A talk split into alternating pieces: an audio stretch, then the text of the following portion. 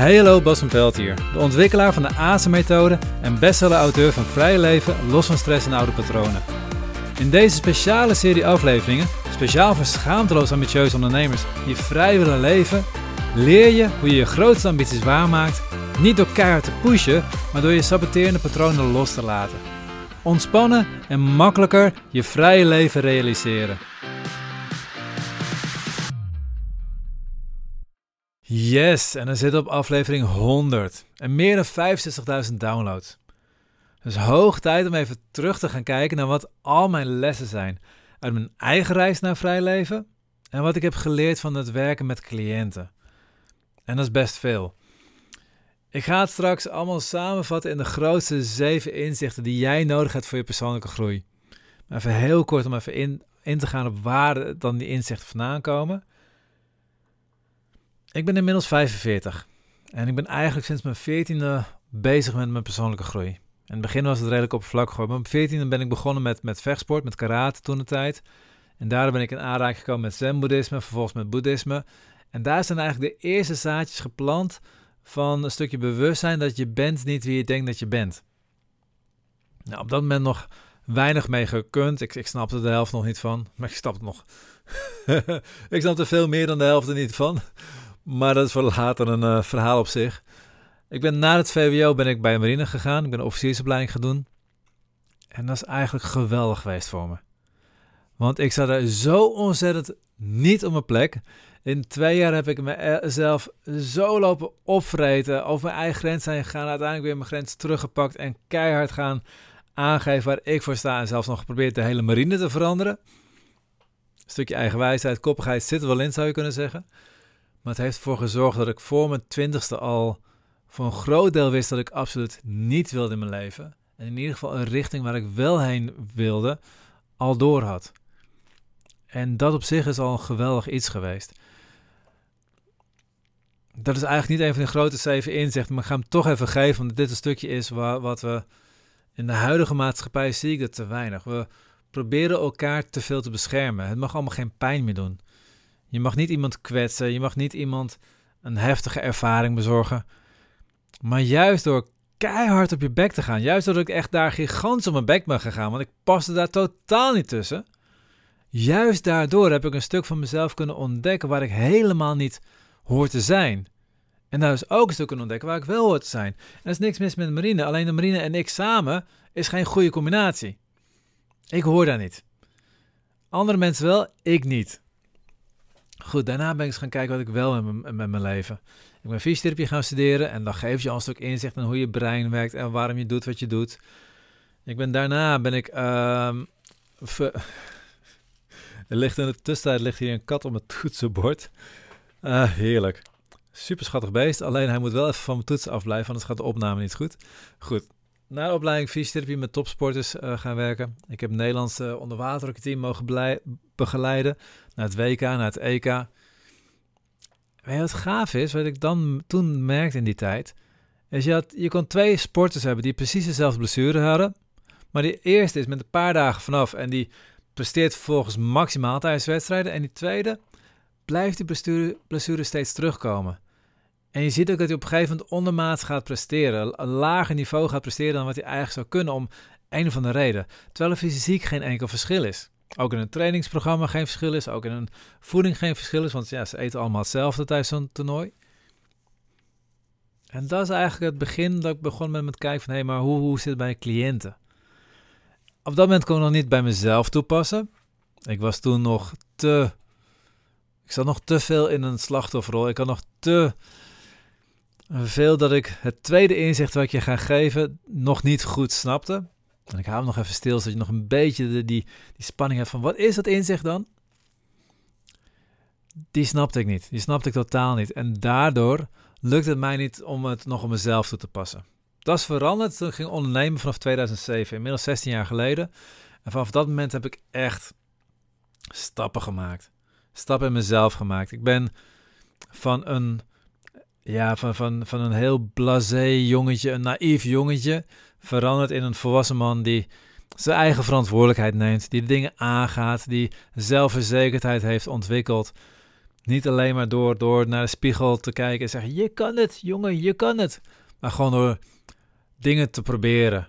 Door uit te proberen, door te voelen, door te ervaren, door te leven en erachter te komen dat ik veel meer kan dan ik ooit gedacht heb. Gewoon puur door de shit aan te gaan. Nou, dat is even mijn verhaal. Om het niet al te lang te maken, hou ik het ook even daarbij. Ik werk ook sinds 2007 als acupuncturist. En ik ben me steeds meer gaan specialiseren in de coaching. Steeds meer gaan kijken van waarom doet iemand nou wat hij doet? En hoe kun je zorgen dat iemand op een andere manier met zichzelf omgaat? En een van de grootste dingen die ik geleerd heb, en, en dat is het, het, een van de mooiste inzichten uit, nou ja, wat is het, 16 jaar coachen, 21 jaar werken met cliënten, um, sinds ja, 31 jaar mijn eigen persoonlijke ontwikkeling. Voor ik die grootste inzicht ga geven die je echt nodig hebt om te groeien, wil ik alleen nog even dit extra inzicht geven. En dat is iedereen die op straat tegenkomt, heeft shit. Iedereen die op straat tegenkomt, heeft flinke shit die die heel hard aan het verbergen is voor de buitenwereld en vaak ook voor zichzelf. En dat gaat van, van, van grote trauma's uit de jeugd, kleine trauma's in je jeugd. Dat, dat, dat gaat van een depressie die ze proberen te onderdrukken, een burn-out die ze niet willen erkennen.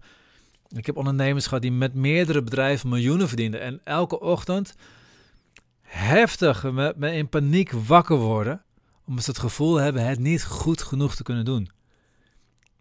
Dat mensen die voelen dat er meer mogelijk is, die gelukkig zijn, maar tegelijkertijd voelen dat ze op sommige stukken nog vastlopen. Dat er nog altijd nog stukjes zijn waar ze nog vrij kunnen leven. En dat is ook zo, want je bent niet vrij van trauma. Je bent nog niet verlicht, dus is nog, het leven kan nog veel mooier. Ik heb ook ondernemers gehad die super draaien, maar keer tien willen gaan. Niet alleen in omzet, en dat is belangrijk, maar in elk aspect van hun leven. Dus ik heb heerlijk wat mogen ervaren en ik heb bij al die mensen gezien, er is shit. Er zitten oude trauma's in de weg, grote trauma's, microtrauma's. Ze zitten vast in hun patronen. Dat gezegd hebbende, laten we gaan naar de grootste zeven inzichten die jij nodig hebt voor je persoonlijke groei. We gaan het verdelen over meerdere podcast-afleveringen, want anders wordt dit een aflevering van nou ja, enkele uren. Ik, ik, die zeven inzichten, joh, ik kan, ik kan een weekretraite van maken. Elke dag een inzicht proberen bij je binnen te krijgen, te laten integreren. En zelfs als ik een jaar traject van maak, is het nog niet genoeg om het volledig te integreren in je eigen leven. Maar laten we gewoon lekker aan de gang gaan. En beginnen met het eerste inzicht. En dat is dit. Het eerste inzicht wat je nodig hebt in je persoonlijke groei, is dat je gaat beseffen dat hoe jij denkt en hoe jij je voelt, dat overkomt je. En dit is een gaaf inzicht. En het komt voort uit het onderzoek van Daniel Kahneman. Daniel Kahneman is een Nobelprijswinnaar voor de economie. En dat is wel grappig, want hij is de eerste psycholoog die die Nobelprijs voor de economie gewonnen heeft. Omdat hij aantonen waarom mensen hun keuzes maken, waarom mensen bepaalde acties nemen. En dat ze eigenlijk totaal geen rationele mensen zijn. Maar ze reageren continu vanuit automatische patronen. Eigenlijk wat hij heeft aangetoond, we hebben, ja, je zou kunnen zeggen, we hebben twee systemen in ons brein zitten, een snel en een langzaam systeem. Het snelle systeem zijn al je automatische reacties. Het gaat onbewust. Dus jij komt in een bepaalde situatie en voordat je door hebt, reageer je. Ik leg het vaak aan mijn cliënt uit, dan pak ik een eh, pen en dan gooi ik die pen, dan doe ik alsof ik die pen naar ze toe gooi. En voordat zij het doorhebben, hebben ze gereageerd. Eentje die, die, die probeert die pen, die zit al meteen met de handen klaar om te vangen. Een andere die, die duikt opzij. Ik had één cliënt die gaf een heel mooi voorbeeld. Ik was er zo aan het uitleggen. Ik zei van, nou, stel je voor ik die pen naar je toe geef. En, en haar reactie was dit. Oh nee, nee, nee, ik zie meteen in de stress. Ik was vroeger heel slecht in balsporten. En dit is precies wat, wat Daniel Kahneman bedoelt met die twee breinen. Je hebt een automatische reactie. En die automatische reactie is niet alleen maar dat jij je handen optilt om die bal of die pen te gaan vangen, maar die automatische reactie gaat veel dieper. Jouw brein denkt de situatie te herkennen en vervolgens geeft hij een patroon van reactie die past bij een eerdere situatie waar hij denkt dat deze situatie op lijkt. Dus je reageert vanuit die oude situatie. Dus je reageert weer vanuit dezelfde maat van activiteit, stress die je toen ervaren. Je komt weer in dezelfde emotie te zitten als je toen de tijd ervaren en je gaat op dezelfde manier nadenken. Ik ga een mooi voorbeeldje geven, die staat ook in mijn boek. Als je mijn boek nog niet hebt, uh, ik zal een linkje zetten in de beschrijving ook, want dit is echt aanrader. Ik heb gewoon een aantal hoofdstukken hier aan gewijd hoe dit, dit, dit in elkaar zit. En nog een stuk dieper dan ik je in één korte podcast kan vertellen. Ehm, ja, een mooi voorbeeld. Ik heb ooit met een vriendin een gesprek gehad over het onderwerp boeddhisme en hoe je verlicht kan worden. En op een gegeven moment zeg ik tegen haar, om verlicht te worden moet je een bepaald aantal stappen gedaan hebben. En uh, dit is gaaf. We hebben een normaal gesprek. We hebben gewoon een gesprek over hoe je verlichting kunt bereiken. En ik zeg, je moet bepaalde stappen gedaan hebben. En ze wordt ontzettend boos. Ze wordt echt boos. Ze begint nou, nog net niet te schreeuwen, maar wel heel duidelijk haar stem te verheffen. Ze zegt ook echt van, nou, ik moet helemaal niks en het gaat helemaal niet over moeten. Boeddhisme gaat over vrijheid en, en ze loopt gewoon weg. Dit is een reactie die past helemaal niet bij het gesprek wat we op dat moment hadden. Het is een veel heftigere reactie. En dat is precies wat het is. Het is een reactie die past bij een klein kind. Nou, dit is interessant. We zijn later uh, zijn we verder gaan kijken. In haar jeugd is zij streng katholiek opgevoed. Maar echt streng katholiek. Ze moest van alles. Dus zij heeft een associatie bij het geloof van voor mijn geloof moet, moet, moet, moet, moet ik van alles. En nou ben ik klaar mee, dat wil ik niet meer. Dat ze eindelijk een geloof gevonden wat gaat om, om ruimte, om vrijheid, om jezelf zijn, om vanuit je hart leven. En dan ga ik het woordje moeten gebruiken, terwijl ik het heb over iets wat zij heel belangrijk vindt.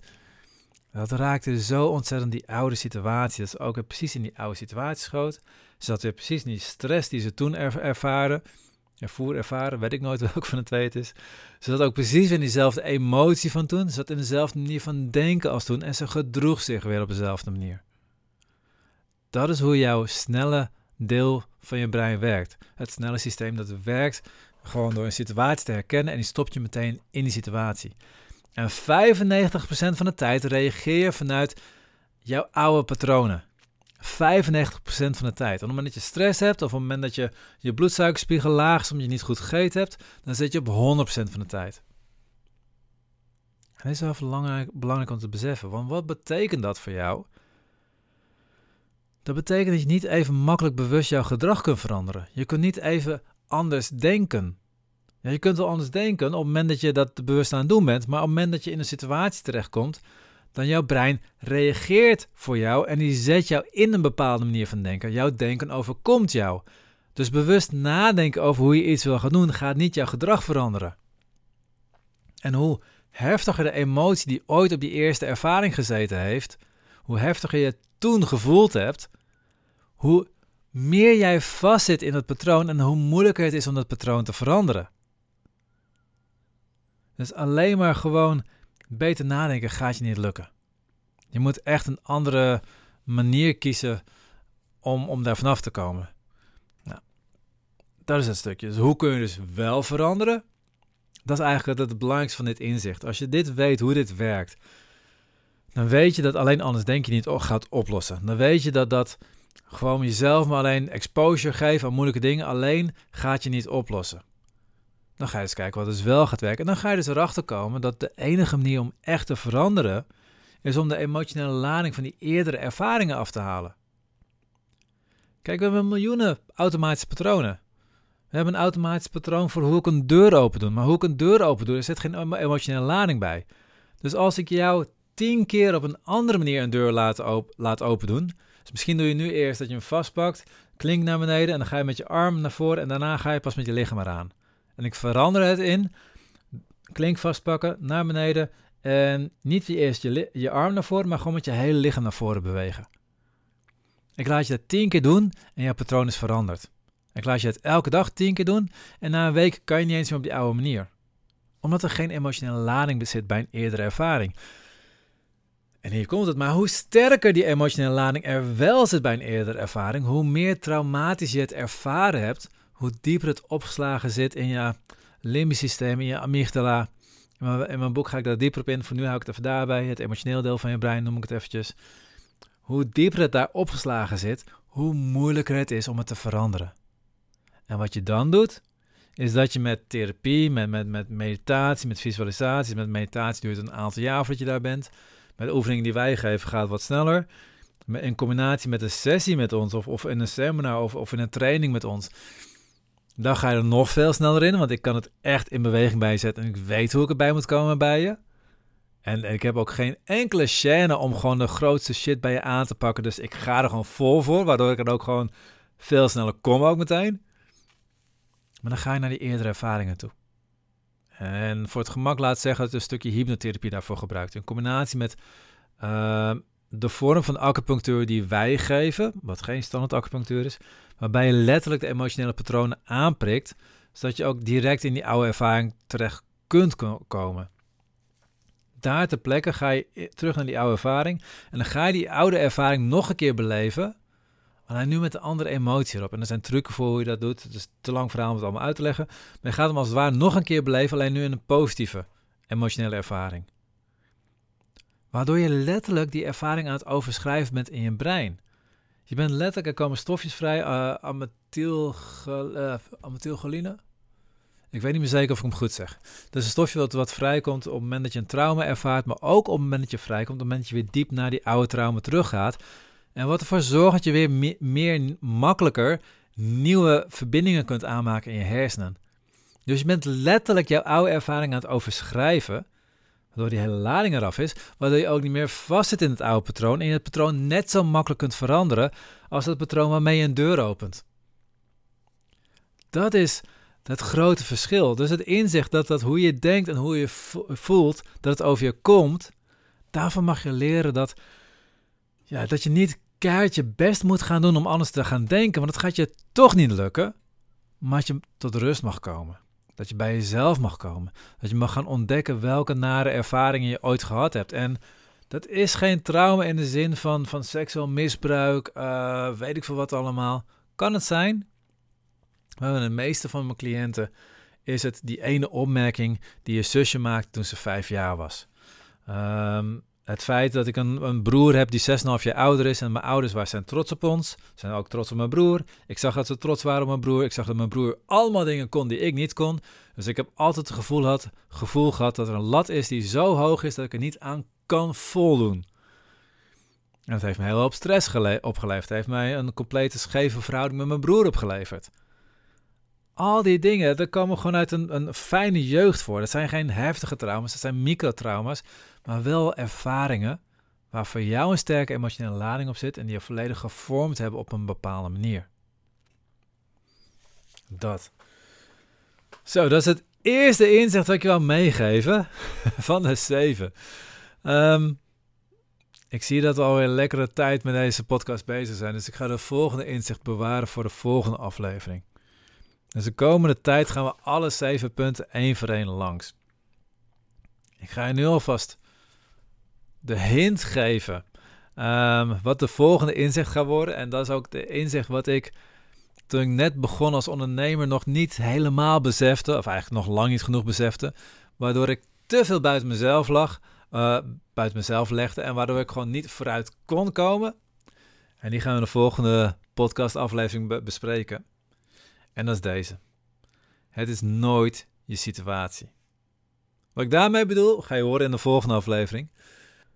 Laat me in de reacties op Spotify even weten wat jouw uh, ervaring is hier met, met het eerste inzicht wat ik al benoemd heb. Of wat je ervan vindt van deze aflevering.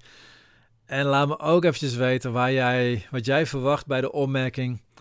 Het is nooit je situatie. Wat jij nu al voor inzicht gaat krijgen daarover van hey, wat zou ik daarmee bedoelen en wat zou je daarover leren. Neem ik dat mee in de volgende podcastaflevering. Ik zie je dan weer. Herken jij je in het beeld van die schaamteloos ambitieuze ondernemer die al veel aan persoonlijke groei heeft gedaan, maar nu echt next level wil gaan? Die ontspannen en ambitieus vrij wil leven? Neem dan contact op een intake als je klaar bent voor het Next Level Vrij Leven traject. Je vindt de link in de beschrijving bij deze podcast of ga naar azenmethode.nl schuine streep next level.